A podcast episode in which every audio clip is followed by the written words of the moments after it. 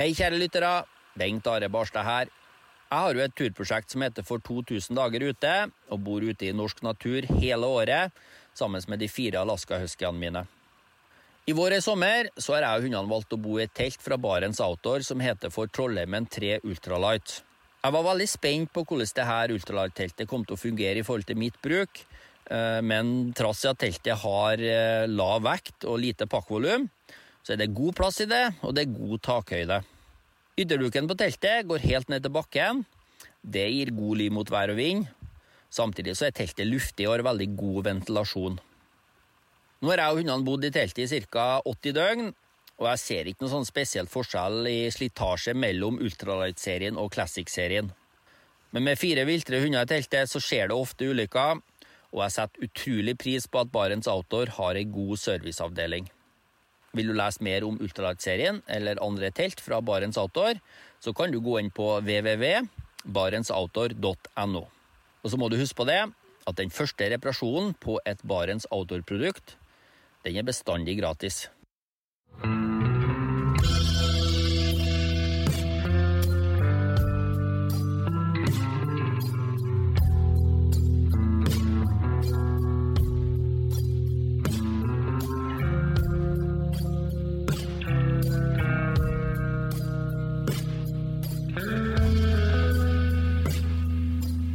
Hei og velkommen til podkasten Uteliv. Mitt navn er Randulf Valle. Den som opplever naturen, blir glad i naturen og ønsker å ta vare på den. Derfor er det til naturens beste at vi får flest mulig ut på tur. Det har vært en underliggende tanke for de fleste som har jobba med friluftsliv, enten det er i organisasjoner, i forvaltning, eller blant dem av oss som dekker friluftsliv i bøker, aviser, tidsskrifter og ellers i media. Men de siste årene så har dette bildet blitt mer nyansert. Parallelt med økende tilstrømming, nye friluftsaktiviteter og et stadig mer utprega helårsfriluftsliv, så har det blitt tydelig at friluftsliv også kan ha negative konsekvenser for naturen. Kanskje spesielt når naturområdene som er noenlunde uberørt, har blitt færre, mindre og mer oppstykka. Slitasje på sårbare biotoper, uvettig vedhogst, forsopling og forstyrrelse av dyrelivet er typiske eksempler. Og gjennom en serie på fire episoder så har podkasten Uteliv ønska å se nærmere på denne problemstillinga. Vi har nå kommet til fjerde og siste episode. Og i dag skal vi se litt på hvordan friluftsjournalistikken eventuelt må justere seg i møte med den nye virkeligheten. Og jeg kan nok allerede si at det her er et tema som jeg ikke blir ferdig med på bare én episode. Det er nok noe som vil være tilbakevendende i podkasten framover. Men for å avslutte serien, så er det greit å i hvert fall starte denne diskusjonen. Og jeg har fått med meg en veldig velegna person i så måte. Hjertelig velkommen til Svein Sæter. Tusen takk. Mm. Forfatter av en rekke bøker. Forlegger. Redaktør og mangeårig frilanser for Norske Friluftsblad. Har jeg fått med det meste da? Det høres bra ut. Ja. Og dessuten aktuell med boka 'Kampen om Dovrefjell', gitt ut sammen med dattera di Yngvild. Mm. Den boka blir litt sånn en rød tråd i den episoden her. Men før vi går i gang med journalistikken Naturen og Dovrefjell, så spør jeg som vanlig, har du hatt en fin tur eller naturopplevelse nå i det aller siste? Ja, vet du, det har faktisk med den boka du nevnte å gjøre. For Yngvild, medforfatter, og jeg, vi ble intervjua av NRK om det med villreinspørsmålet og Dovrefjell og moskus og de konfliktene som ligger der. da. Og Da ble det faktisk en tur eh, sammen med Reidar Gregersen fra, fra NRK. Da gikk vi opp fra Kongsvoren og litt innover, ikke for langt mm.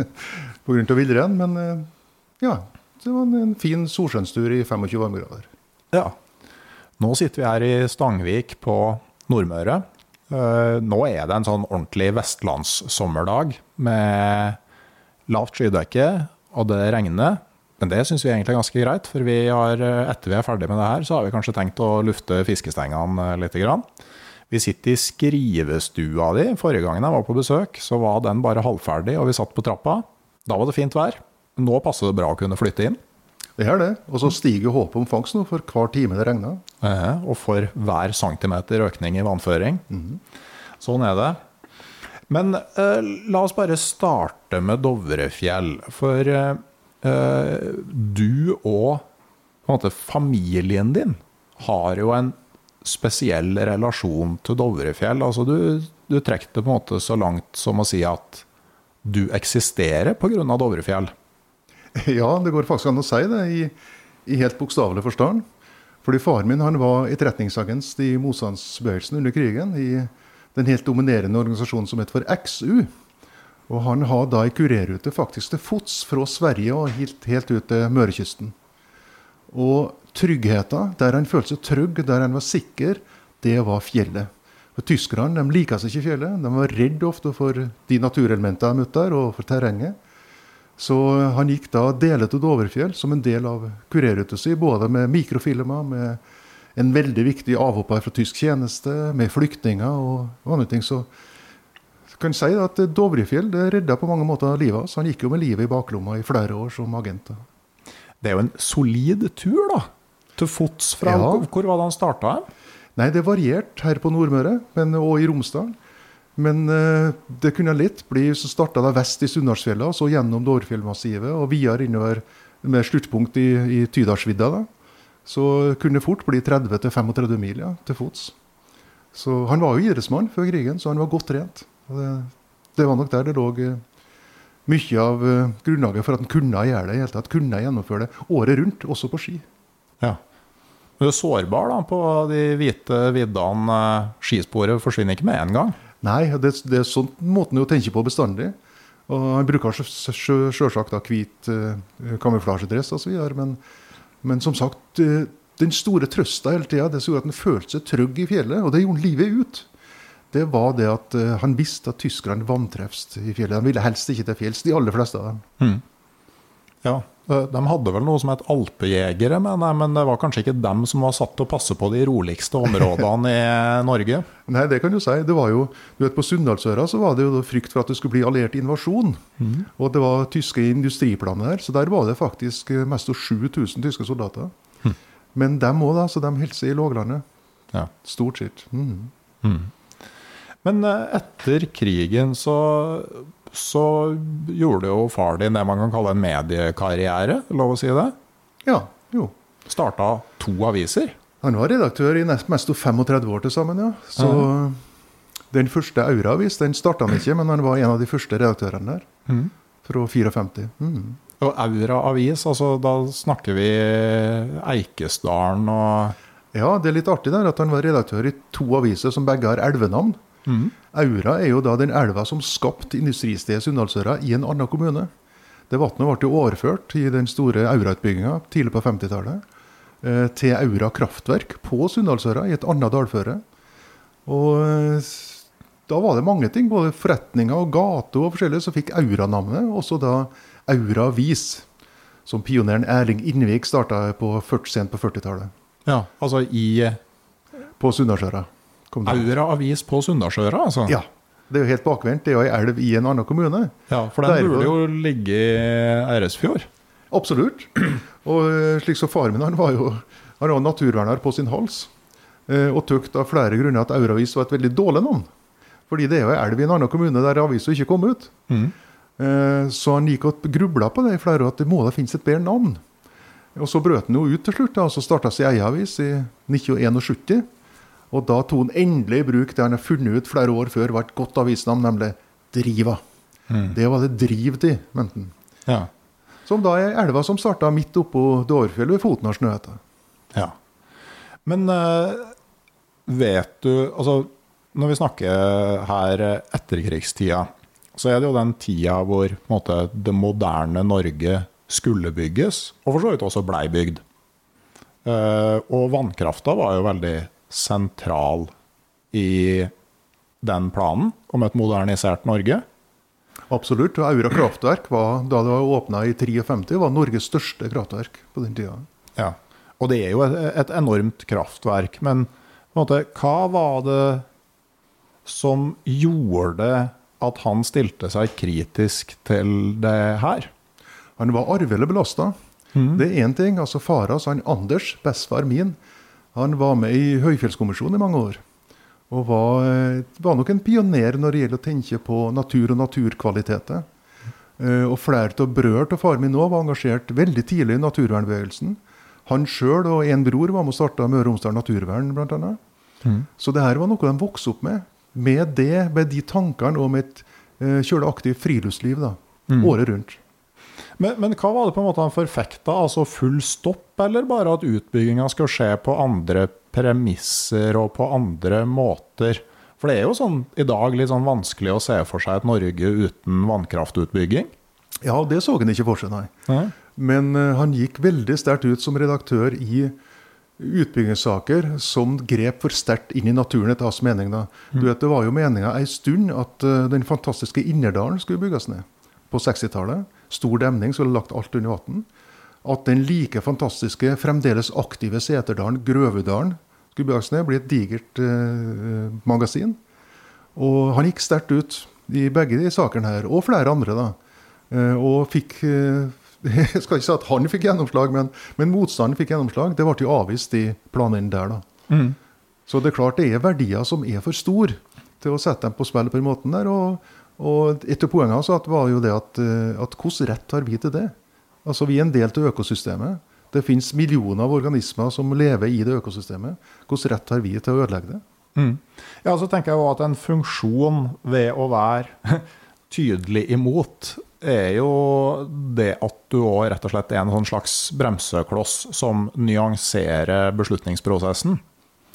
Ja da, og det finnes det, I Sunndal kommune, der jeg vokste opp, på Sunndalsøra, så finnes jo flere gode eksempel på det der.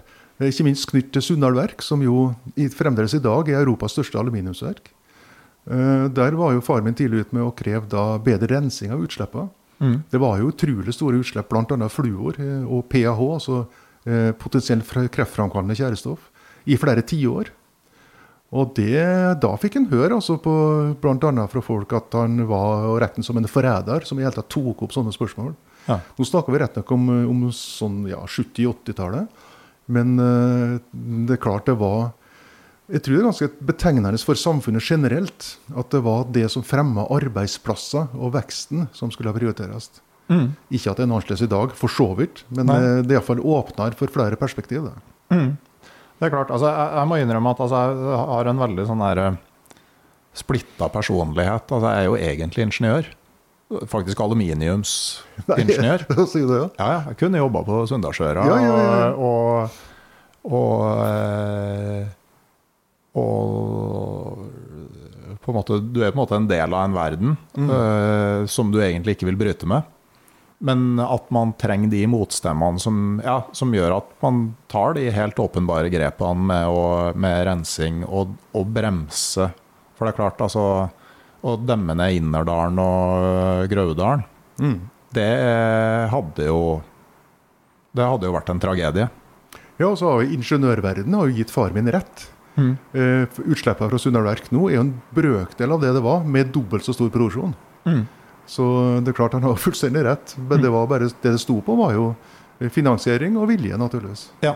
Det, og, og det er det jo litt sånn med andre næringer i dag òg, at eh, altså på en måte hvis eh, reguleringene kommer, så, så er jo eh, ofte veien kort til å realisere.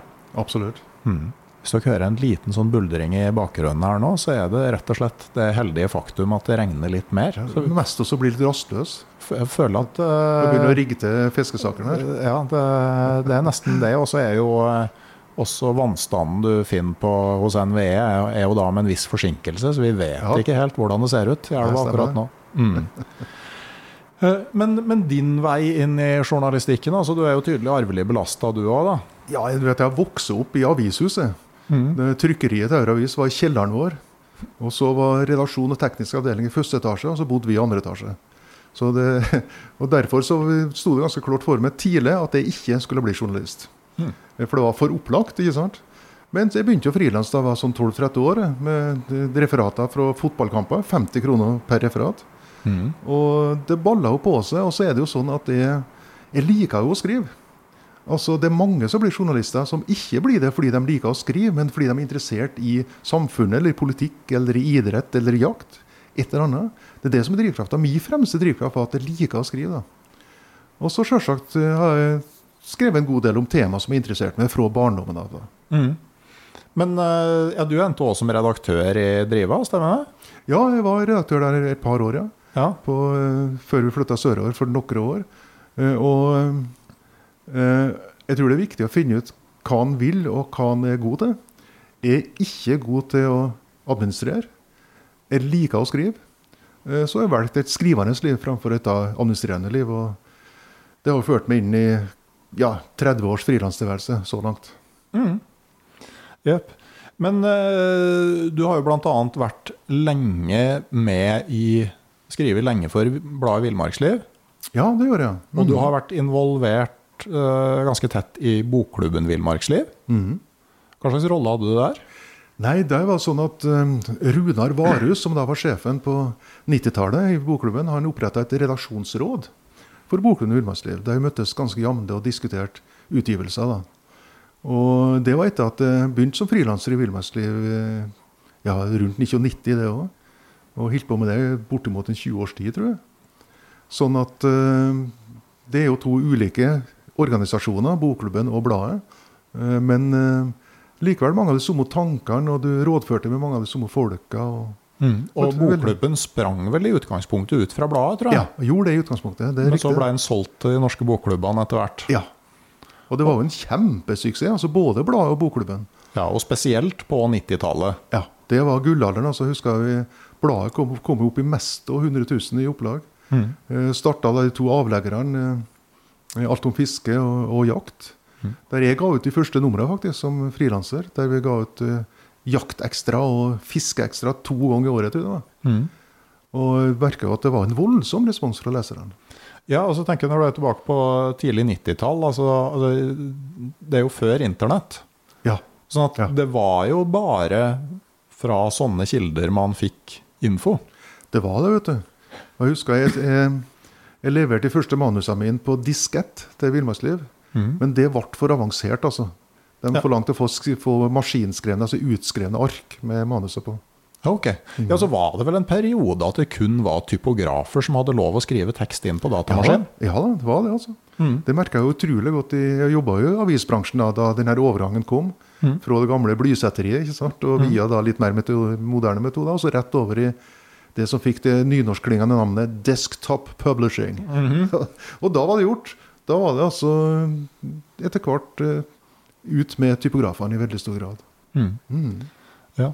Men eh, på den tida her, altså det vi eh, det, det som jo altså det, hva, hva slags bilde hadde man av seg sjøl, sånn som i bokklubben og, og villmarksliv? Altså sånn, den jobben man gjorde, det med å hjelpe folk ut på tur, så man på det som noe sånn som hadde en litt sånn overordna nytte eller positiv greie ved seg? Absolutt. Ja, det tror jeg absolutt. Altså, Jeg begynte jo der, og da var en Dag Kjelsås var redaktør, som fremdeles lager stoff for Villmarksliv.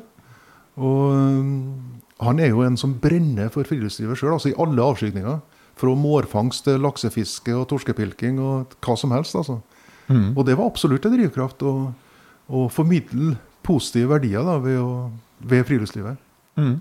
Opplagt. Ja, uh, altså Villmarksliv hadde jo uh, De som er med på Patrion og har hørt uh, maratonsendinga vi hadde under Camp Villmark, eh, der hadde vi Knut Breivik, dagens redaktør, innom og viste den, eh, fant i Nasjonalbiblioteket noe sånn avisutklipp fra Finnmark Dagblad på 70-tallet. Og den var ikke sånn helt happy med villmarksliv som hadde gitt eksakte koordinater til storfiskvann på Laksefjordvidda. Eh, altså Var det på en måte noen sånn policy rundt det her? Noe som du ble introdusert for når du havna inne? Ja, vet du, da, Vi snakka om det der, og jeg var jo som ung tenåring abonnent på Villmarksliv omtrent fra starten og fikk med meg de her diskusjonene. og Og, men vi har på en måte kommet forbi det der da vi var kommet ut på 90-tallet. For da var, det, da var det, som du sier, begynt å bli flere kilder. Etter hvert så ble det jo kommet internettet ruslende. Så det der var ikke lenger noe stort tema den gangen tidlig på 90-tallet. Eh, da var det jo blant andre en av grunnleggerne, Torbjørn Tufte, en av grunnleggerne til Villmarksliv, var jo veldig tidlig ute med Ja, du kan jo få fisk der og der i Anárjohka osv., ikke sant? Mm. Og, og, tok den diskusjonen. Og det var nok fremdeles politikken i Villmarksliv da. at det, Selvsagt er det ja, En var oppmerksom på at det kunne være eh, plasser og steder og elver som tålte minimalt med trafikk og minimalt med fiske, og, eller minimalt med jakt for den del. Og da var han forsiktig og tok hensyn til det. Mm. Men sånn generelt så, så, var han på en måte kommet et hakk lenger i debatten da, på den tida jeg begynte her. Ja, Men jeg vet jo sånn på den tida, altså den gullalderen her hvor Lars Monsen ble veldig stor, og mm. Eh, sånn at eh, eh, Altså, de visste jo altså da, da 90 dager på Loffen i Børgefjell med mm. Lars Monsen-boka kom, så visste de jo da at nå blir det unormalt stor tilstrømming til Børgefjell neste ja. år. Og jeg vet jo folk som har observert altså Hvis det kommer en sånn, spes, kom en sånn spesiell turbeskrivelse med kanskje noen som hadde padla kano over Namsvatn og så litt oppover og inn i Børgefjell, så, så visste du at her kommer det ganske mange og gjør det samme mm. neste år. Mm. Men utover det med fiskepressa, altså, tenk, var det noen sånn tanke rundt sånn som det med sporløs ferdsel og det at liksom ferdsel uavhengig av jakt og fiske kunne være en utfordring? Ja, det var det jo absolutt. Mm. samtidig som det der er kommet mye sterkere de senere åra. Altså en slags uh, gjenoppstandelse av den nye diskusjonen. Ja, unnskyld, av den gamle diskusjonen, men med et nytt utgangspunkt. Mm. Uh, og da tenker jeg bl.a. på Du nevnte den boka Rondorefjell. om den store ferdselen som opplagt er en trussel mot Europas siste opprinnelige villreinbestand mm. som jo finnes i Snøhetta-Rondane-området. Mm. Ja, for det, det, er jo noe vi skal komme litt sånn inn på etter hvert. For jeg tenker altså sånn, Hvis vi går tilbake til far din, da, så er jo på en måte eh, motstanderen hans, eller altså det han skrev om og advarte mot, altså det er jo på en måte industrivirksomheten mm. som inntok fjellet. Først og fremst kanskje i form av vannkraft. Eh, men når du skriver Dovrefjell-boka di, så har man på en måte kommet dit hvor vi fjellfolk Og jeg sier bevisst vi, for det er jo en veldig sånn tendens til at alle peker på andre grupper enn seg sjøl i en mm. sånn uh, setting. Men i Dovrefjellboka de, deres så er, jo, så, så er jo erkjennelsen at friluftslivet også kan være problematisk. Og, og kan du mm. huske på en måte første gangen du liksom Hvor det slo deg? At vi er også en del av problemet? Jeg har vel ikke sånn aha-opplevelse. Men jeg har uh, veldig mange gode eksempel, kan du si. Mm. Uh, for å ta et litt generelt eksempel, så er det jo, det er jo sånn at jeg har jakta rein i mange mange år. Mm. Uh, som har en sånn slektsgreie med oss. Og vi som jakta i lag, vi er en par-tre mann som jakta i lag, har gjort det en del år. og vi er liksom, ikke sant, Du slår deg litt på brystet, og vi går langt vi går langt unna der det er folk, og lengst mulig inn i området, og slår opp et telt der. Og, mm. og de første åra så tenkte vi overhodet ikke over at da skremte vi jo rein som ellers ville fått være i fred. Mm. Og det der slo meg Gjør det sterkt. Jeg prata med en, en, kar fra Dovre nå, da, som jeg intervjua i, i boka vår. Uh, som sier det at, uh, at, han var glad Han er glad hver gang en lat lesjing skyter en rein, som han sier. Ja. Altså en som nøyer seg med å holde seg i utkanten av villreinområdet og heller vente på at reinen skal komme dit, mm. i stedet for at han skal komme til reinen. Og det er faktisk et, det er et godt poeng, altså. For det er, det er noen ganger slik at uh, for reinen da, så er jo vi, vi er jo rovdyr. Og vi setter et luktspor som holder seg i mange timer. Og som er forstyrrende for et dyr som sjølsagt blir mer enn nok stressa i jakta fra før. Mm. Og generelt om sommeren òg, som jo er den tida en skal legge seg opp da Eh, opplagsnæring til å tåle en, en røff og lang vinter. Mm. Ja.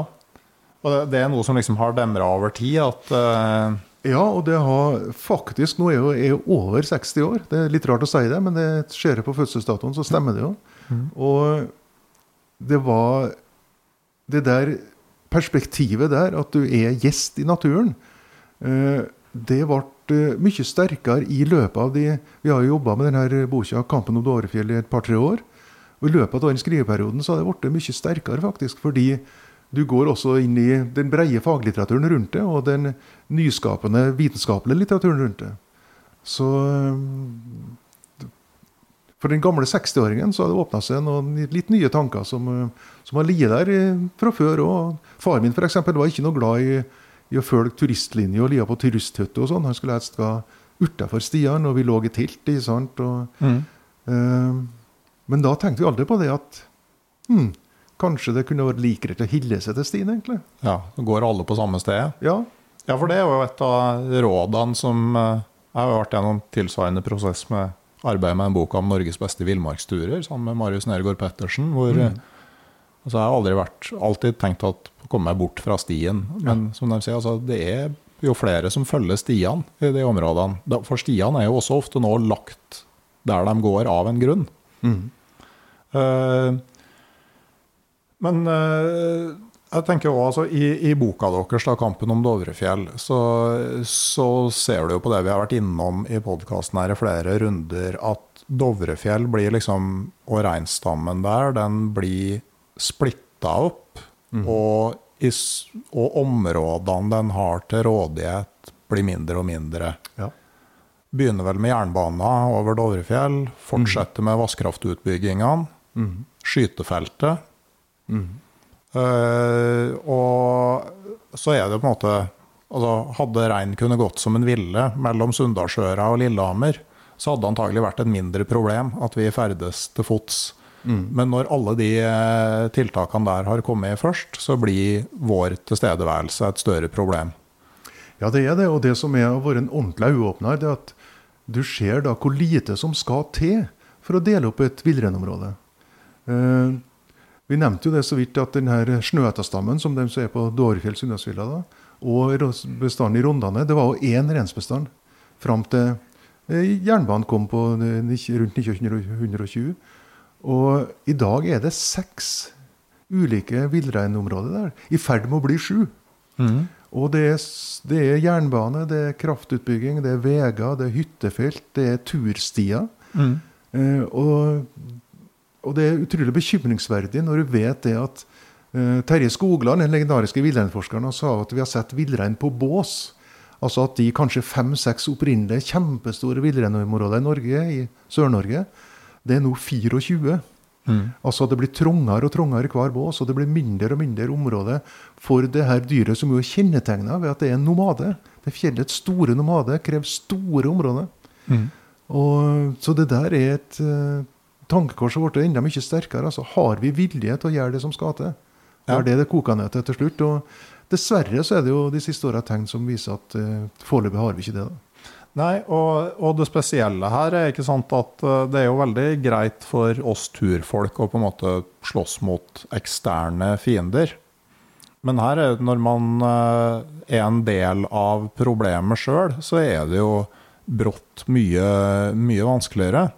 Og så lurer jeg på sånn med, med turjournalistikken Altså eh, Jeg lurer på, er man flink nok til å vir virkelig ta tak i sånne saker? Og fins det ressurser til å gjøre det i dag? Altså, Villmarksliv og vilkårene for å drive et sånt blad er jo vesentlig forskjellig nå fra på 90-tallet. Ja, 90-tallet er gullalderen generelt for frilufts, eh, altså for friluftslitteratur på papir, må jeg vel si i dag. Mm. Det er så mye forskjellige andre såkalte plattformer. Men eh, til spørsmålet så er nei, altså viljen er ikke stor nok. Og det blir ikke på langt nær skrevet nok. Det er helt sikkert. Mm. Eh, og kanskje ressursene er manglende òg. Eh, men tross alt så er det et par ting som gjør at det er eh, god tro på at dette går an å snu. Og det ene er jo ganske enkelt at det er jo mer enn nok fjell til oss. Mm. Det er mer enn nok natur å ta av. Eh, og det er mer nok turområder. Eh, som da ikke støter mot vesentlige naturinteresser. Eh, bare se på heimefjellene mine, Sunndalsfjella, Dårefjell. Der er det jo utrolig mange turperler og naturperler som du kan ferdes i året rundt, uten at du er til vesentlig forstyrring for, for naturen og, og, de artene som finnes der. Mm. Og så er det enkeltområder der det er stikk motsatt. Der det er allerede i dag så stor trafikk, at det danner seg barrierer for villrein, som er det ordet som forskerne bruker. At det blir barrierer for, for den evige trekket, det evige trekket til villrein.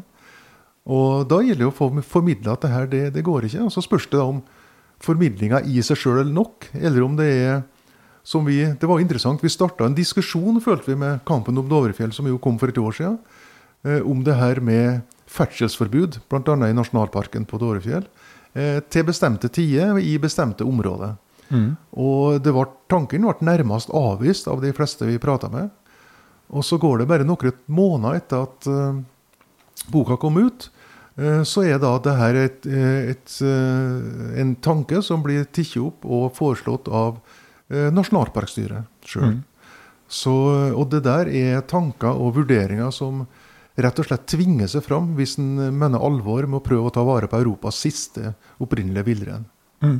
Og det, det, er jo ikke på en måte noe sånn tema som er eh, Altså, vi, vi, har jo ferdselsforbud i fuglereservater, f.eks. Ja. Sånn det er jo ikke det at man ikke bruker det tiltaket. Nei, det er korrekt. det. det problemet er at så snart du beveger deg fra et forholdsvis begrensa fuglereservat eh, eh, og over i et langt større fjellområde, så får du med en gang det der at ja, men hør her, det er i strid med den norske allmennretten. Mm. Og det stemmer, det. Det er i strid med den. Men uh, er det den som skal ha først? Det er det spørsmålet en må stille seg i enkelte områder. Ja, og så ikke sant, som vi uh, I første episode i den serien her, så så vi jo på allemannsretten og på friluftsloven. Og, og, du har jo kun rett til fri ferdsel så lenge det ikke er til utilbørlig, om, uh, utilbørlig belastning, eller det er vel ikke akkurat det som er ordet, mm. utilbørlig ulempe, tror jeg, for eier eller for området. Mm. Og der òg så ble det jo tydelig at uh, det er ikke Altså, mengden personer kan være et problem. Uh, det kan òg trigge den, uh, det unntaket da, som, mm. du, som, gjør at du ikke lenger kan ferdes som du vil. Akkurat som hvis, du, hvis du er til for stor forstyrrelse for beitedyr. Så så, så har du ikke Så, så kansellerer det allemannsretten og retten til ferdsel. Mm. Så, så det, det, er jo der. Eh, men samtidig tenker jeg, hvis du går tilbake Det er vel før din tid i villmarksliv òg, men altså, de var jo med og igangsatte sånn som den aksjonen 'Laksen tilbake i elvene'. Ja. Det var på 80-tallet. Ja, det husker jeg jo kjølig godt. Mm. Men da var jo villmarksliv et hørte til kategorien små og mellomstore bedrifter. Ja. Eid av et par-tre ildsjeler. Ja. Eh, som kanskje ikke hadde doktorgrad i presseetikk og eh, sammenblanding. altså, de eide jo store deler av et hotell ved Namsen. Og, mm. eh, sånn at det var jo ting du sånn presseetisk kunne sette fingeren på. Men samtidig så tenker jeg at øh, du hadde jo en helt annen mulighet til å rett og slett drive kampanjejournalistikk da, enn når du er del av et kjempesvært dansk konsern. Og det der er jo utviklinga i norsk og internasjonal presse i et nøtteskall. Altså, Villmarksliv skal jo gjennom en serie oppkjøp fra det ene konsernet til det andre. Mm. Og som etter hvert var grunnen til at det slutta òg.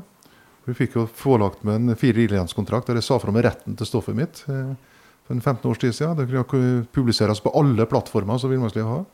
Og det ikke, var ikke aktuelt for meg. da. Nei. Eh, selv om jeg har et kjempegodt forhold til dem som jobber her, og fremdeles til en Knut som er redaktør, og, og andre. da. Mm. Men, eh, og det samme gjelder jo hvis du ser på lokalavisene. Se på Driva, som uh, far min og, og kollega fra Aure Avis, alle gikk over i den nye avisa Driva, uh, var sjøl aksjeeiere, sammen med noen få markerte kulturpersonligheter i kommunene. Og den har også vært gjennom en serie oppkjøp. En stund så var det jo et mediekonsern med hovedsete i London som måtte avise, og i dag så er vi i store, et av de tre store mediekonsernene i, i Norge, nemlig Polaris Media. Mm. Og eh, det der er, det der er et, et, poeng, altså at det er uh, Jeg skal ikke si i seg sjøl at det går direkte utover den redaksjonelle friheten, men den redaksjonelle prioriteringa, den er nok uh, ja, mindre mindre fri og løsere, fordi det er så knyttet opp til ei finansiell styring da, overfra. mm. Jeg må innrømme, altså jeg har øh, vært litt i kontakt med sånn, øh, Vært i, i styret for øh, studentmedier. nå i senere tid og var med i studentmedier sjøl, i studietida, eller merket at altså, de var veldig flinke og veldig oppdatert på presseetikk og sånne ting. Men så er spørsmålet hva skal du bruke den posisjonen du har til? Eh, og det tenker jeg jo kanskje en, altså når du driver journalistikk, altså hva er det du vil formidle, og kanskje til og med hva er det du ønsker å oppnå? Ja, det er absolutt det. Og, og, og den er, tenker jeg litt mer borte, da, når, du, ja. når eierne sitter så langt unna. Det er ikke tvil om det. Mm. Det er helt sikkert. Altså, det der er jo et veldig drivkraft for meg og, og for dattera mi og Yngvild òg, da vi skrev den kampen om Dårefjell, som jo eh, prøver å gi et bilde av hele økosystemet hele fjellsystemet, og det konsekvensene som våre valg har. da. Mm. For Det er jo et, et fjellområde. Undertittelen på boka er jo eh, 'Europas siste intakte høgfjellsøkosystem'. Eh, ikke intakt på den måten at det er uberørt, på ingen måte. Men at du har hele næringssida med, eh, med da eh, ørn og jerv på toppen som predatorer, og villrein. Og, og, du har eh, kongeørn og fjellrev. ikke sant? Du har en noenlunde intakt næringsside. Og det der er spesielt. Det finnes det ikke maken vest for Uralfjella, sa jo Terje Skogland, eh, villreinforskeren. Så vi prøver å vise de helt ja, unike verdiene, naturverdiene som finnes i det store fjellområdet, og hva det da er som truer de verdiene. Mm. Og i stor grad så dreier jo det seg om menneskeskapte ting. da. Ja. Og så er det jo ikke sant, Når du går på et sånn bokprosjekt som det der altså det, er veldig, altså det, er jo ikke lett, da, men du kan lage ei praktbok om Dovrefjell med fine bilder og eh, gode turer og eh, sånne ting. Eh, men jeg ser jo her nå liksom papirbunkene dine med møtereferat mm. Uh, fra departement og sånne ting. Altså, det, det, er jo en svær jobb å gå på en sånn type bokprosjekt. og i forhold til da du var i redaksjonsrådet for Bokklubben Villmarksliv, så er jo måte, estimert opplagstall for ei sånn bok som det der, er jo kanskje femtedelen av det det var. Ja. Uh, sånn at uh, det der òg er jo en utfordring, er det vel det heter på fint. At uh, det er vanskeligere å finansiere et sånn mer dyptpløyende gravearbeid. Absolutt. Det vi er så heldige med, vi som skriver, det er at som du vet, så har vi mulighet til å få stipend. Mm. Eh, så både Yngve og jeg fikk jo støtte fra eh, Det faglitterære fond. Ja. Og, og likeens eh, fra Stiftelsen Fritt Ord. Mm. Og Da blir det mulig. Det er det som gjorde det mulig å skrive den boka uten å legge igjen hundretusenvis av oppsvarte kroner der. Ja. Det, er, det, er, sånne ting, da. Mm. Og så sjølsagt er vi fornøyd med at det har gått ganske bra, i alle fall. Vi, men det er å gi ut bøker. Du blir ikke rik av det. altså. Det var noen som så at det var en Svein Sæter som toppa eh, inntektstoppen her. En, vi bodde i en annen kommune for noen år siden. Og jeg bruka lang tid på å få dem til å forstå at det var ikke på grunn, det var ikke meg, altså. Det var en annen en. Ja. Du, du, vil du bli rik, så ikke bli forfatter.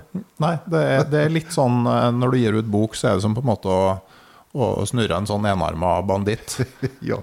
Og en sjelden gang så blir det premie. Men for min del òg, altså Faglitterær forfatterforening, det er den fakturaen jeg betaler med størst glede hvert år. Ja, absolutt. Heia dem. Ja. Eh, men eh, nei, for noe av det du bruker ganske mye plass på og må ha brukt mye tid på i boka, er jo den prosessen som gjorde at Snøheim blei ja, eh, ombygd, utvida mm. og gjenåpna. Ja. Eh, og det var eh, nærmest sjokkerende lesning. Ja, altså det er enkelt å bruke ett enkeltstående ord om den prosessen der, og det er skandale. Og da tenker jeg på Miljøverndepartementet, eller det såkalte Miljøverndepartementet, den gangen sier behandling av en sak gjennom mange år. Fordi det begynner jo som en gladsak. I 2002 så åpna kong Harald offisielt det nye og sterkt utvida Dovrefjell-Sunndalsfjella nasjonalpark. og Arealet er seksdobla fra den gamle nasjonalparken.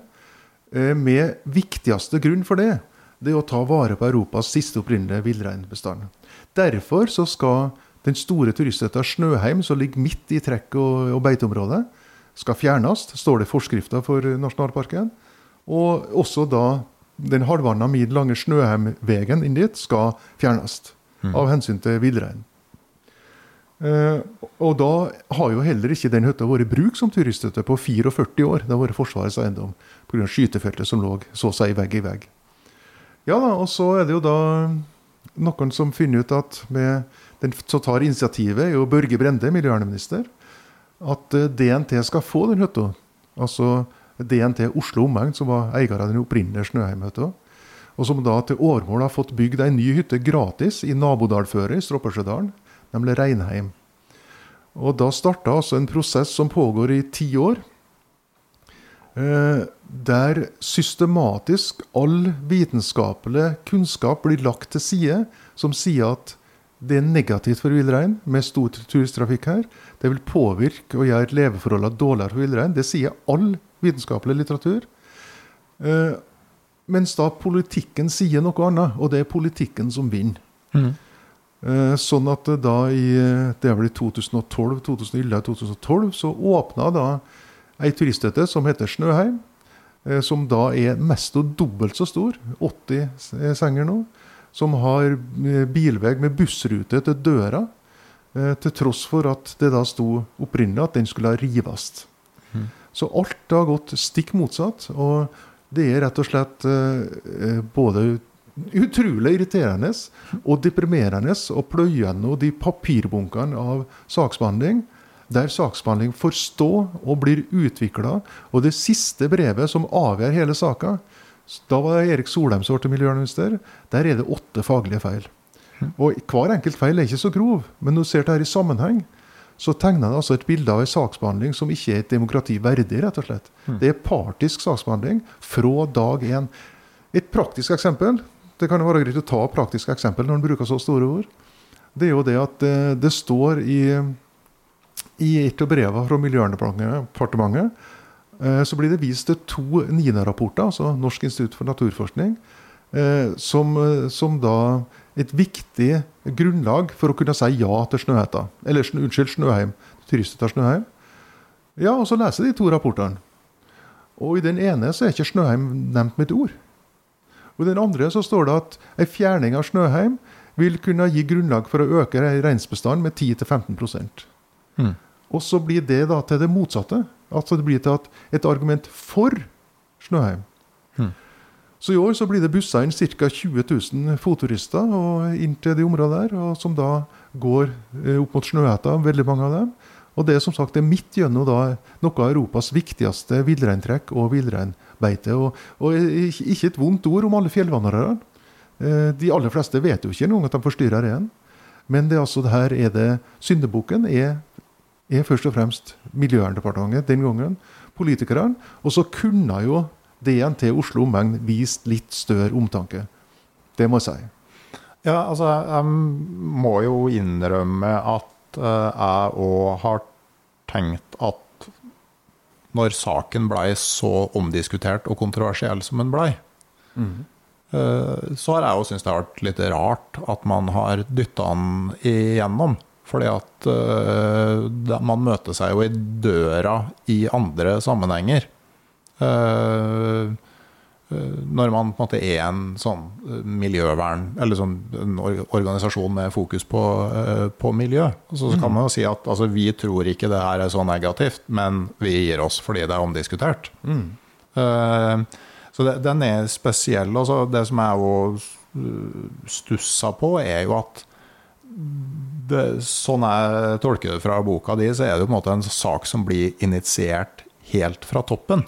Altså Det er ikke ja. grasrota som i utgangspunktet ønsker det her. Altså Det er en deal som blir gjort liksom på sånn uh, generalsekretær- og miljøvernministernivå. Og så det kommer det ned igjen derifra. Det begynner jo eh, med en samtale mellom miljøvernministeren Børge Brende og, og, styrelederen den gangen i DNT Oslo omegn, Øystein Dale. Utmerket mann, det òg. Det er der det begynner. Og det er jo folk jeg har prata med, og som er sitert i boka fra DNT sjøl, som sier at, at, det der var nok ganske provoserende, at det kom fra toppen. Mm. At det var ikke et folkekrav fra bygdafolket at, eh, at uh, det her skulle skje. Mm. Eh, klart det var mange i, i, i, i Dovre og Lesja og, og som var positive til det, altså. Men, ja. ja og, det, og det, skal, det, skal, jo være. Altså, det, ja. eh, altså det, det, er jo ikke sånn at, man, at alle er entydig negative. Altså, for det Altså om den, eh, både veien inn til Snøheim og den ringveien i skytefeltet fortsatt skulle være der eller ei. Ja. Altså det, det var jo omdiskutert. Det var det, absolutt. Eh, Men eh, jeg tenker når du sitter og leser gjennom det her nå, hva tenker du om at du ikke leste det da? Ja, nei, det kan du si. Eh, den gangen det, det pågikk, så var det jo media som var min kilde, kan du si. Mens det nå da i de siste åra kunne gått helt, helt til bunns i, i, i møteprotokoller og i, og i eh, utredninger fra departement, ikke minst i forskningslitteratur. Så nei, du blir Det er mest uforståelig. Det trøster meg med, da, at eh, jeg håper det kan bli en omkamp her. Eh, på den ene måten ved at DNT sjøl tar rev i segla. De, det har jo skjedd en del positivt innenfor DNT eh, de siste åra. De har opprettet et villreinutvalg, og de, de møter jo det her eh, sammenstøtet mellom villrein og mennesker i alle områder de har eh, hytte i, i Sør-Norge, med unntak av Forologna. Der har de ikke. Eh, og, eh, så det er en øka bevissthet der òg, men helt sikkert sterkt delte meninger. Og den samme diskusjonen gjør seg nå, nå gjeldende i, i Rondane. Der eh, DNT sjøl foreslo her på vårparten å, å begrense åpningstiden der. eh, Av hensyn til villreintrekket. Men til gjenytelse da gjerne vil få bygge en ny hytte en annen plass. Så Men det, det, også er det interessegrupper som har oppstått som er veldig viktig. Du har jo da Bevar Dårfjell mellom istidene, og du har Bevar villrein i Rondane. Og bevare det overfjellet mellom istidene de gikk jo til rettssak mot Miljøverndepartementet for brudd på naturmangfoldloven i forbindelse med Snøheim-saka, der et, det som i realiteten er et høgfjellshotell, får stå midt i et villreintrekk. Det er jo helt, alle, alle skjønner jo at altså det er en ny variant av keiserens nye klær. Alle ser jo at det er galskap, men ingen gjør noe med det. Så de gikk til rettssak. Og de taper da med hårfin margin i 2013. Og da står det jo i dommen at, eh, at dommeren er sterkt i tvil eh, om det var lovlig å oppføre Snøheim. Eh, og grunnen til at eh, Bevar Dovrefjell mellom istidene da ikke får medhold, og departementet blir dømt, det er det at på det tidspunktet eh, så eh, kunne ikke bevises at eh, eh, turisthytta Snøheim var til vesentlig eh, inngrep når det gjelder villrein. At det var til vesentlig hindring for villrein. Eh, men da har jo hytta vært åpen bare et år, én sesong. Eh, og nå senere så ser vi jo det at det påvirker da eh, trekket ganske sterkt. Og den dommen åpner også for en omkamp. Ja. Det står at det kan takes opp på nytt når, eh, når et annet faktagrunnlag ligger føre. da. Og det mener jeg i høyeste grad at det gjør. Ja. Og så skal det jo sies at, bare for å ha det på det rene, at altså også forvaltninga sier at hvis du skal til Snøheim, så er det beste at du tar bussen. For det, hvis du likevel skal dit. Ja. For det at når du først er inne der, så er du på en måte inne i sentrum av det reinstrekket rundt Snøhetta. Så hvis du skal gå på Snøhetta, så er antagelig den, den måten som påvirker reinen minst, at du tar bussen inn, går opp og tar bussen ut igjen. Ja, men det blir veldig tullete, som enkelte har gjort, å kalle det for en vinn-vinn-situasjon. Ja. Dette er jo en tap-tap-situasjon. Fordi selv om det skjer med buss, så frakter det altså 20 000 mennesker på et par korte sommermåneder midt inn i hjertet av villreinens rike. Det er et problem. Snøheim er ikke noe problem. Altså, Bygningene kunne stått der, dem. Og de ble freda til årmål. De kan stå der og være så freda de bare vil, så lenge det ikke er et stort trafikk av mennesker rundt der. Det er problemet. Men eh, sånn som, eh, sånn som villreinsjakta, altså som, mm. som jo du er, er vokst opp med. Eh, så kunne man jo der òg se for seg eh, skarpskyttere fra Hæren som tok det som eh, trening. Ja, vet du, vi har jo prata om det der. Eh, gjennom mange år, lenge før det her bokarbeidet begynte. At, eh, for det er klart, eh, jakta er en stor stressfaktor for villrein. Eh, på et tidspunkt av året der den skal legges opp opplagsnæring. Og, og ja, prata om gode måter å gjøre det her på med minst mulig stress. Eh, jeg har ennå ikke opplevd et godt forslag, da. Det har jeg ikke gjort. Og det er klart det er eh, Den som fabler med å sende inn profesjonelle jegere, den tror jeg må se litt på kartet og så finne ut hvor stort det her området er. Eh, Så det, det er ikke så lett, det, altså. Men, men jeg har ikke møtt en eneste villreinjeger som har sagt noe annet enn at hvis en finner ut at det her er uforsvarlig, at det må gjøres på en annen måte, så er vi selvsagt positive til det. Det er ingen som vil stille seg negativ til det. Nei. Men for å vende litt sånn tilbake til, til, til journalistikken, da, så har du som, som vi sier at uh, altså På den ene side så har du sånne store, tunge ting som det her som man burde ta tak i. Og så kan man jo samtidig så ser det ut som at altså Hvis du ser på NRK, f.eks., som hadde en egen naturredaksjon som jobba bare med sånn type saker, så er det, er det, på en måte blitt mer og mer sånn kjendisorientert. da. Det holder jo ikke med bare Lars Monsen på tur lenger. Mm. Nå må du ha med en kjendis. Ja, faktisk. Og det holder ikke med bare Jens Kvernmo, du må ha med Isak i tillegg. ja. Eh, altså, det, det, er jo sånn eh, Altså, hvor er de tunge miljøene? For at, ikke sant? Altså, du har laget deg ei bok og fått begynt å sette på ting, men altså Egentlig så er det jo da altså, sånn team av gravejournalister ofte som går på sånne ting som det er. Altså Hvis du mm. ser på sånne saker i, i, D2 i Dagens Næringsliv eller i Aftenposten, så er det jo store team som går på bare det å, liksom, å dykke ned i så mye informasjon. Det, det, er jo veldig tidkrevende. Det er det, altså. Og nå er vi jo inne på da store og sentrale utviklingstrekk innenfor presse generelt og media generelt. Det er jo langt flere sånne kommunikasjonsmedarbeidere enn journalister i Norge nå, f.eks. Mm. Og det er fristende å si at eh, alt som slutter på ur, er på vei ut. Altså natur og kultur. Det er nedprioritert. Eh, de lokalavis i Ermetegn, Adresseavisa, altså en avis som var godt over 100 000 i opplag i sin tid, har lagt ned kulturreaksjonen sin. Mm. I likhet med veldig mange andre. Uh, Naturreaksjonen i NRK er jo et eksempel på et nøyaktig den samme utviklingstrenden. Mm. Så, så får du si på den andre sida, så skyter det opp stadig vekk. Altså podkasten din, ikke sant. Det er mange som driver med, eh, med blogger og den slags. Ja, så feltet er utvida, da. Det er jo positivt. Det, det er det. Samtidig med, Og så har du jo f.eks. på nett sånn som Harvest, som har uh, vært der i mange år. Uh, og mm. er liksom i mange spørsmål en tydelig stemme, men samtidig så er det liksom Når du virkelig går inn i de store sakene, så, så, så er det ekstremt tidkrevende. Det er tidkrevende, og så er det det her med, med redaksjonell styring. Da. Nå tenkte jeg ikke på Harvest, men på eh, ja, mange andre såkalte plattformer. Mm. At det mangler redaksjonell vilje, kan du si. Redaksjonell linje. Eh, og dermed òg en mangel på kanskje både vilje og evne til å ta stilling. Ta stilling i saker. Eh, på en grundig og underbygd måte. Det er et av de største problemene jeg ser i, i presseutviklinga generelt nå. Det at det er eh, ja, den gravende journalistikken og den undersøkende journalistikken som fører fram til ei etablert redaksjonell mening, mm. den er sterkt på retur, dessverre.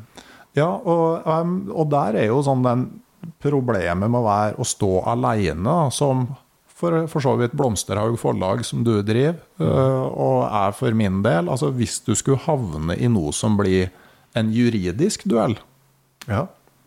Som enkeltperson og enkeltpersons foretak. For det kan det jo bli når du stiller spørsmål ved å begynne å grave i store ting som uh, potensielt er gærent. Så er det veldig lite tiltalende tanke å skulle være helt aleine mot det. Ja, det er det jo. Samtidig som jeg, jeg har jobba med flere saker som journalist der det absolutt kunne bli aktuelt med, med en sak mm. uh, overfor store industrikonsern, bl.a. Mm. Men det er klart det er tre ting som gjelder, og det er dokumentasjon, dokumentasjon, dokumentasjon.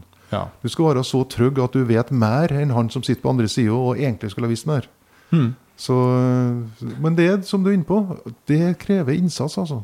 Ja, Samtidig så er jo bare det å bli saksøkt, mm. sjøl om du faktisk har rett, mm. det er jo ille nok. Ja da. det var, dessverre aldri blitt saksøkt. Jeg holdt på å bli saksøkt en gang, av Se og Hør. Oh, ja. ja, For jeg skrev en sånn ironisk eh, eh, petiartikkel om eh, da sjefene i Se og Hør la ut eh, eh, Eller det var ikke de personene som gjorde det, men på rypeterrenget deres ble det lagt ut forgifta hønseegg. Mm. Som jo ikke var tillatt. Mm. Og da, Den tida jobba jeg dag og tid, og da kom det brev fra Tor Erling Staff med beskjed om at det krevde øyeblikkelig mortifikasjon. Og Da svarer redaktøren min rundt Skjerve ja, kom igjen, greit, bare kom an. Og vi hørte aldri noe mer. Nei. For det var, det var godt underbygd. Selv om det var en partiartikkel som er skrevet med litt sånn glimt i øyet, så var det selvsagt da jeg har gjort skikkelig forarbeid og visst, ja, visst hva jeg skrev. Mm. I, eh, I, boka di her nå så er det jo da Snøheim-saken, men for så vidt også uh, en del rundt der med ferdsel du har skrevet om. Men altså, hva slags andre sånn forvaltningsmessige saker er det du ser komme opp framover? Eller generelt, hva slags saker er det du tenker vi må være flinke til å ta tak i? Det jeg frykter mest, kan jeg si litt om, kanskje. Mm. Og det er det som er kanskje er frista til å kalle noe for energihysteriet, som er i ferd med å ri oss. Mm. Eh, fordi eh, Ja, som du vet, det, er jo, det her er jo påvirka av krigen i Ukraina og mange andre ting.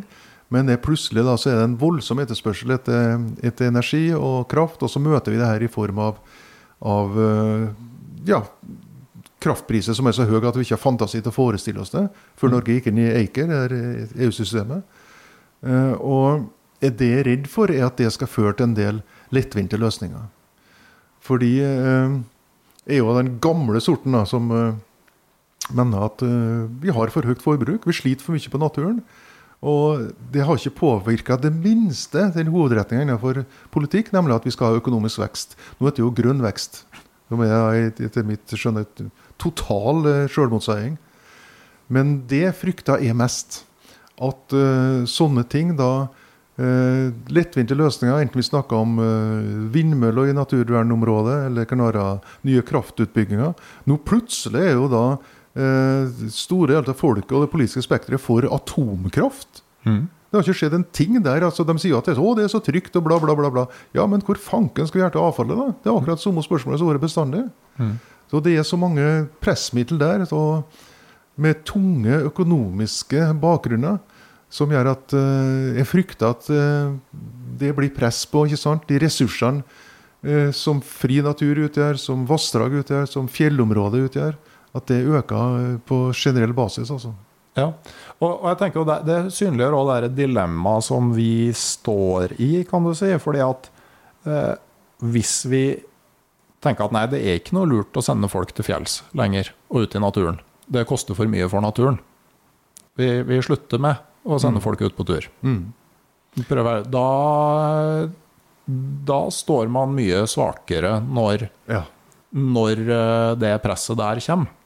Altså Hvis Nei, ingen ja. er på tur i Dovrefjell, mm. så eh, Altså, det er jo en sånn catch 22-situasjon. da. Ja.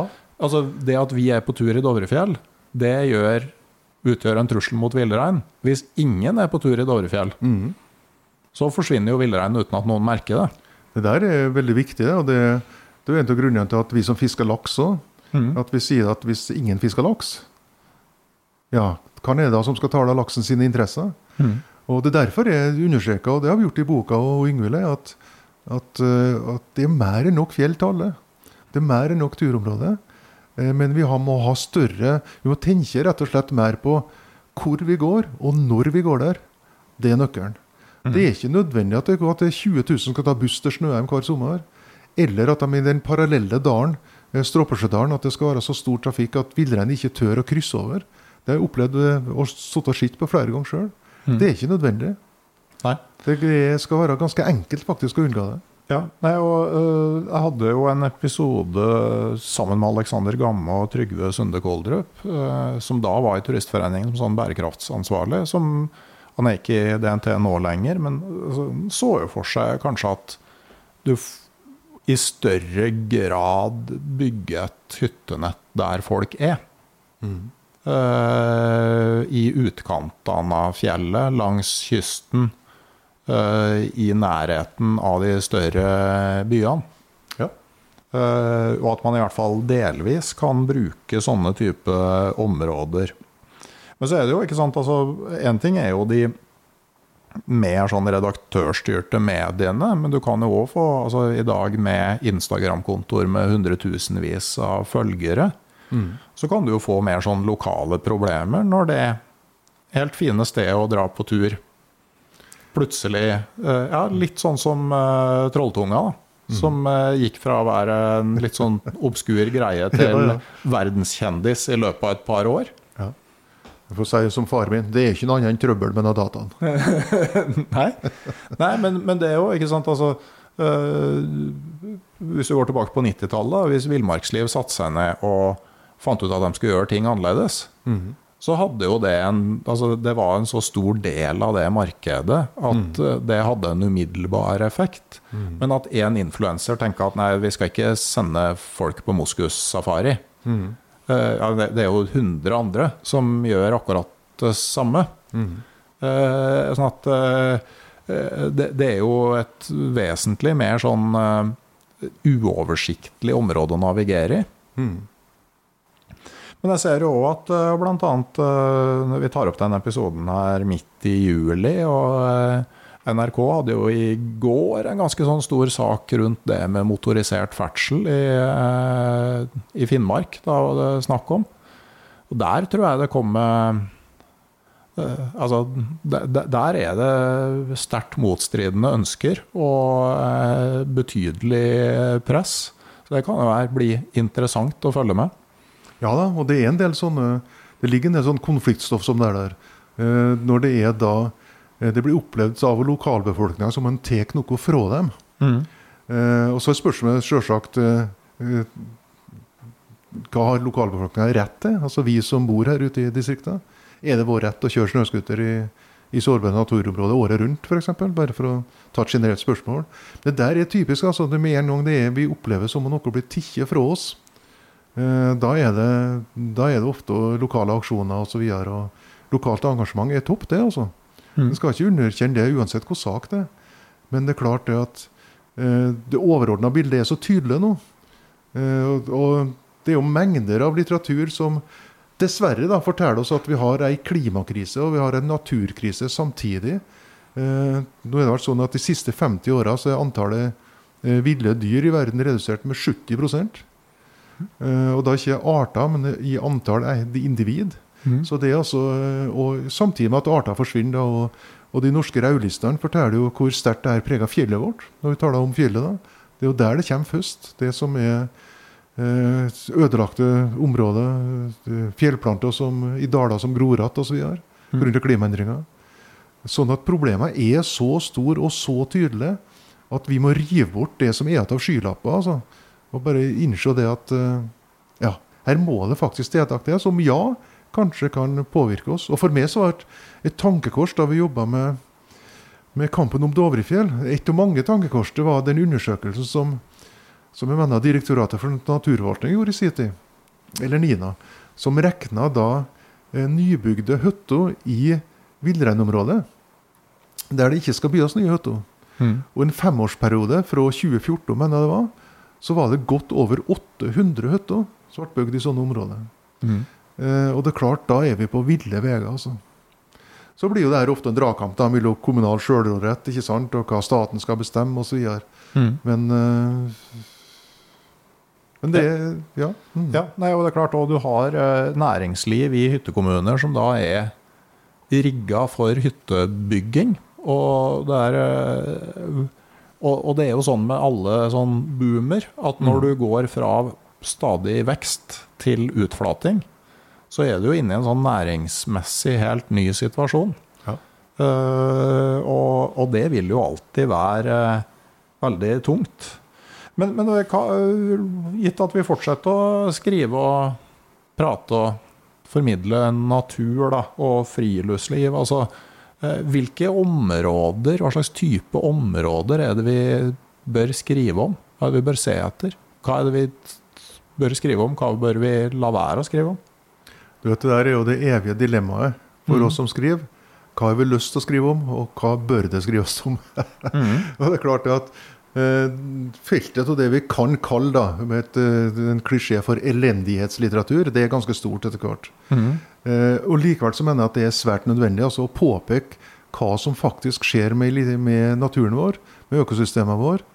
Eh, og eh, sammenhengen med vår livsstil, altså hva vi mennesker er i ferd med å ja, de konsekvensene som, som, vår livsstil med fjellbesøk, tur, klima osv. Hvordan det påvirker naturen direkte. Innenfor det, feltet ligger det mye. Og det som jeg har tenkt mest på, det er litt som denne Dovre-boka vår, som vi der var helt bevisst for vår del å skrive ei bok Du vet, Det er skrevet haugevis med bøker om Dovrefjell, og mange flotte bøker òg. Men vi ville skrive ei annerledes bok, ei som ikke var skrevet før. Mm. Derfor så går vi inn i økosystemet med praktiske eksempel fra våre egne turer opp gjennom åra, og prøver å gi et sånn eh, naturverdi og trusselbilde. da. Mhm. Eh, og innenfor den sjangeren vil jeg arbeide videre. Altså eh, løft fram verdier. Eh, det positive, det helt unike, det vi har å ta vare på. Og sette det i kontrast mot det som faktisk blir gjort, og det som bør gjøres. Utrolig svevende svar, men innenfor der er jeg tenkt Ja. å fortsette, altså. Jeg tenker også i sånn at det, det gjelder å synliggjøre hva Når du tar et valg, når du velger én ting, så velger du jo nesten alltid bort noe annet. Mm. Og det er ikke alltid at blir så tydelig. Eh, Ikke sant? Altså Med Snøheim-saken Hvis man hadde fått synliggjort mer at ja, i enden av den så ligger det kanskje ferdselsbegrensninger i Dovrefjell. Det blei jo noe sånn eh, rundt noe setre, var vel i Grisungdalen, eller Ja, hvor det var. Mm. som ble en direkte konsekvens av det. Men sånn er det jo også med andre ting. Altså hvis vi, ja, vi kan velge det. Det fører sannsynligvis til at vi må gi fra oss noe annet. Ja, og så er det jo du vet, Jeg ville sette inn innsatsen der de røde varsellampene er sterkest. Da. Og det er jo nettopp eh, når det gjelder villrein, bl.a. Mm. som jo i fjor for første gang havna på den norske rødlista. Ikke foreløpig som trua, men som nær trua. Og der det da i tillegg er laga en, eh, en ny kvalitetsnorm for de ulike eh, villreinbestandene i Norge.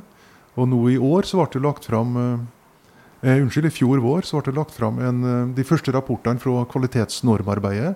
Eh, og da tok de for seg de ti nasjonale villreinområdene etter et sånn trafikklysprinsipp. Rødt, gult eller grønt lys for tilstand til villrein. Og Dovrefjell rein får da knallrødt lys, det rødeste som går an å få omtrent. Og da er det, det, det handler i stor grad faktisk om, om folkeferdsel. At eh, trekket får ikke fred til å gjennomføre det, det naturlige trekket. Ja. som òg går utover beite, som går utover kalvevekt osv. Mm. Men jeg tenker jo for så vidt- jeg er for enig i det du sier, at, man, at en viktig del av jobben er å belyse, altså kanskje også eh, som du har gjort her, og som andre har gjort i andre sammenhenger, altså belyse hvordan beslutningene blir tatt. Eh, det tenker jeg også Det er arbeidskrevende, men det er viktig. Altså, hva er prosessene som leder oss fram Ja. til det her? Eh, men så tenker jeg også da altså, Det er viktig for de som er interessert i natur og friluftsliv, for å være liksom, klar over hva som skjer. Men så er det den der som vi snakka på, at altså Det er fortsatt sånn, tenker jeg, at har du et forhold til naturen, så kan du være med og være det bolverket mot de truslene vi enda ikke vet hva er for noe. Eh, Og jeg tenker at Som en sånn første møte altså det er Ingen som får lyst til å drive med altså Du blir ikke trigga til å begynne med friluftsliv av eh, måte, elendighetsjournalistikken. Eh, så, så hva, hvilke historier er det man forteller for å vise at det her er i bunn og grunn en eh, fin ting? Altså hvordan eh, eh, Det er altså å finne de riktige områdene å skrive om på en måte som gjør at eh, de tåler besøket. Og jeg tenker at én ting er jo det der med å gang på gang eh, det med sporløs ferdsel, f.eks. Uh, og der tenker jeg at det enkleste er å lære ferske friluftsfolk hvordan man gjør det her. Jeg tror det er mye vanskeligere å lære dine jevnaldringer at det de har vært vant til å gjøre hele livet, kanskje ikke er helt Du trenger ikke å lage den nye bålplassen. Du trenger ikke å ha med sag på tur. Jeg vet du har gjort det alltid, og at far din gjorde det før deg.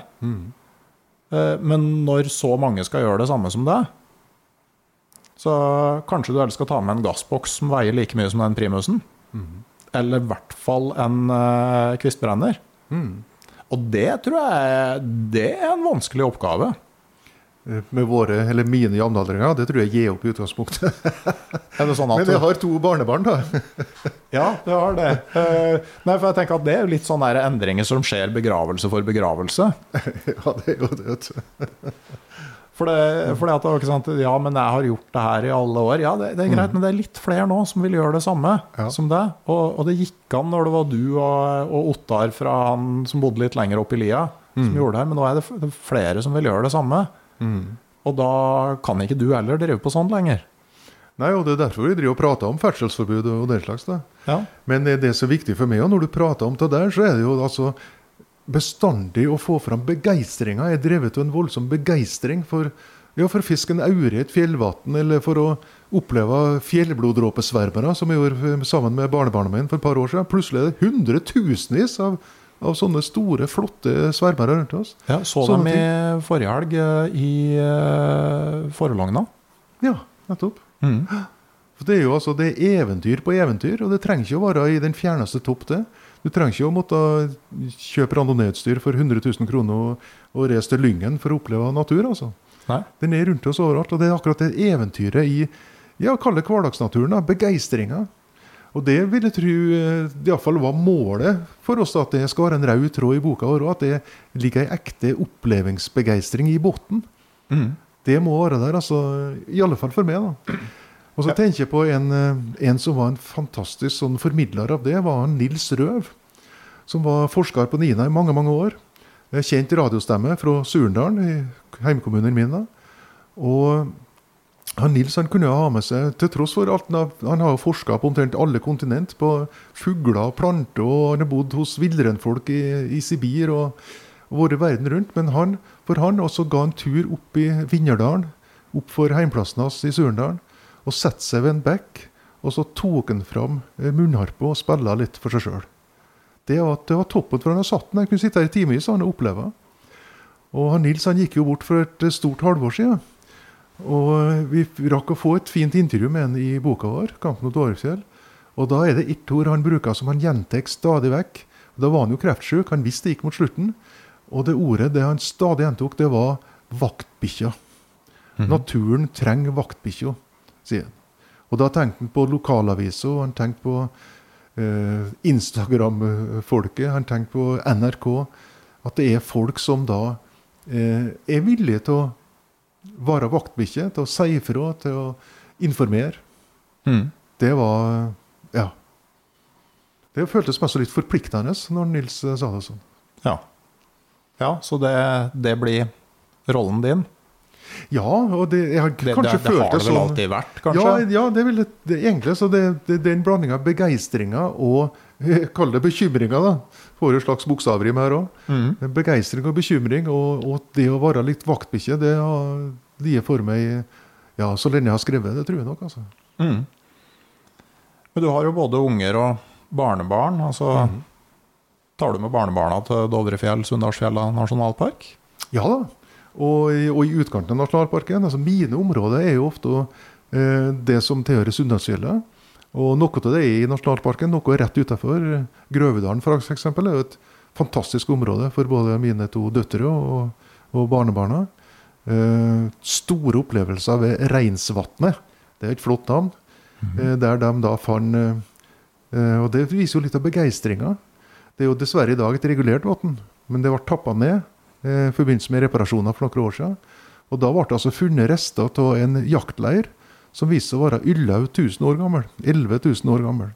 Som er det eldste jaktleirfunnet i, i Midt-Norge. Og det er da ved Reinsvatnet fant det rester etter reinsjegere som jakta her under reinstinden for 11 000 år siden. Det er klart du trenger, Når du forteller barnebarna sånt, så er det trillrunde øyne og stor interesse. Du trenger, ikke, du trenger ikke dikte opp en ting. Det er bare å forholde seg til naturen og historien. Ja. Nei, jeg har sjøl i utkanten av Sunndalsfjellene eh, vist jentene mine dyregraver. Ja. eh, og ledegjerder. Mm. Og forklart hva bågåstille er for noe. Ja, du finner, altså, du finner jo de her historiske kulturminnene overalt i Dårefjell, Sunndalsfjellet. Så å si overalt. Så handler det kanskje noe om å måte vise dem tilknytninga bakover i eh, tid, for etter hvert å kunne gi ansvaret til dem for å videreføre det. Ja, absolutt. Mm. Absolutt. Men Jeg mener, Hvis en ikke tror på neste generasjon, hva skal en da tro på? Nei, det, du er ikke som ikke Sokrates, som syns neste generasjon var helt forferdelig. Ja ja, Håpløse slabbedasker. Men du setter likevel liten til dem. Ja ja, absolutt. Jepp. Jeg tror det er et eh, greit sted å starte. Tusen takk til Svein Sæter. Det- Sjøl takk. Eh, Vi kommer vel ikke til noen sånne definitive løsninger, men jeg opplever at kanskje både du og jeg og flere i de siste årene har innsett at noe er forandra, og noe må forandres. Ja, og at forandringene skjer så mye fortere. Ja. Og Det er jo et poeng også når du nå går i fjellet, ikke sant? Og, og vi bruker jo de her kartseriene på 1 til 50 000. Og du oppdager det at det er store områder på kartet som er forandra. Ja. Og da tenker jeg da på eh, isbreer til en viss grad, men først og fremst store snøfonnet. Det jo, finnes jo snøfonnet i mitt jaktterreng, f.eks. i Sunndalsfjella Dårefjell. På mange kvadratkilometer, Så nå er søkk bort. Det er ikke et snøfnugg igjen. På kartet så er det altså et stor, digert, flatt, hvitt eh, snøområde der. Men det nå er det ur. Mm. Og at samtidig som naturen forandrer seg, så må kanskje vår bruk av områdene eh, Eller altså vår bruk har forandra seg. Det, Og at vi som jobber med å skrive om sånn som det her, må klø oss i hodet. Og kanskje tenke en ekstra gang før vi publiserer hver gang. Det tror jeg er en viktig ting, ja. Mm. Så vi heller komme mer tilbake til uh, den saken her uh, videre. Men som jeg alltid avslutter med, da Nå sitter vi jo her og egentlig bare venter på å bli ferdig, så vi kan rigge fiskestengene. Det gjør jo at spørsmålet som jeg normalt stiller hvis du ikke hadde vært her hvor, akkurat nå, hvor ville du aller helst ha vært? Ja, det kan du si. Altså. Nei, det, er altså det som har blitt mitt klåre svar gjennom åra nå, det er på fjellet med barnebarna. Ja. Absolutt. ja. Hmm. Det blir det seinere i sommer. Det blir det. De kommer om 14 dager. Mm. Da skal vi fiske småaure, og vi skal steke dem i, over primusen så de blir så tørre i kjøttet, eller ikke i kjøttet, men i skinnet, at uh, barnebarna kaller det for kjeks og gomler i seg hele fisken. Ja, Potetgull er også en fin ting å kalle det. Nettopp. Mm. Du kan faktisk til og med spise finnene på små Ja, absolutt. Ja, ja, ja. Veldig godt. Mm. Minne om farmor som steker I, I ettertid har jeg skjønt at det antagelig var lakseunger og ikke småørret, men er godt smakte det. det. Jepp. Eh, det her var da eh, fjerde og siste del i denne eh, serien om friluftslivets nye utfordringer. Jeg skal nevne at den serien er produsert med støtte fra stiftelsen Fritt Ord. Jeg takker også min kommersielle samarbeidspartner Barents Outdoor AS. Og ikke minst dere som er med i det digitale turlaget rundt podkasten Uteliv på Patrion. Der er det plass til flere medlemmer. Da får du bl.a. Eh, ekstra eksklusive episoder. Du kan få mer innhold på nett, og du får mulighet til å påvirke mine valg av episodetema, gjester og spørsmål. Det tar kun minutter å bli med i det digitale turlaget. Last ned Patrion-appen, eller gå inn på patrion.com, patreon.com. Søk opp podkasten Uteliv. Så velger du medlemsnivå, og vips, så er du med. Men uansett, om du velger å bli med i det digitale turlaget eller ei, så kommer det en ny episode av podkasten Uteliv om ei uke. Og inntil da så sier jeg rett og slett ha det bra.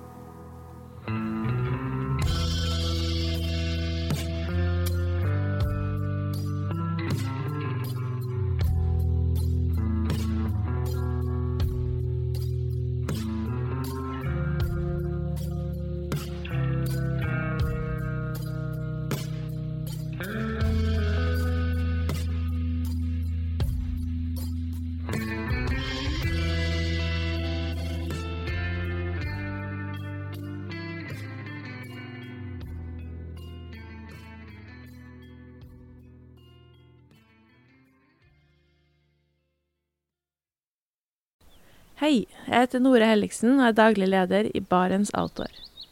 Det beste vi kan gjøre for planeten, er å redusere forbruket vårt og få mer ut av det utstyret vi allerede har.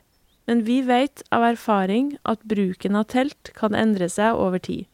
Det teltet du kjøpte for to år siden, passer kanskje ikke det behovet du har i dag. Derfor har vi i Barents etablert en egen panteordning der vi tar imot brukte telt av god kvalitet i innbytte når du kjøper et nytt av oss. Prosessen er enkel. På barentsoutdoor.no gir det oss informasjon om teltet du vil bytte inn. Basert på det får du et tilbud fra oss som gir deg rabatt på ditt neste Barentsprodukt.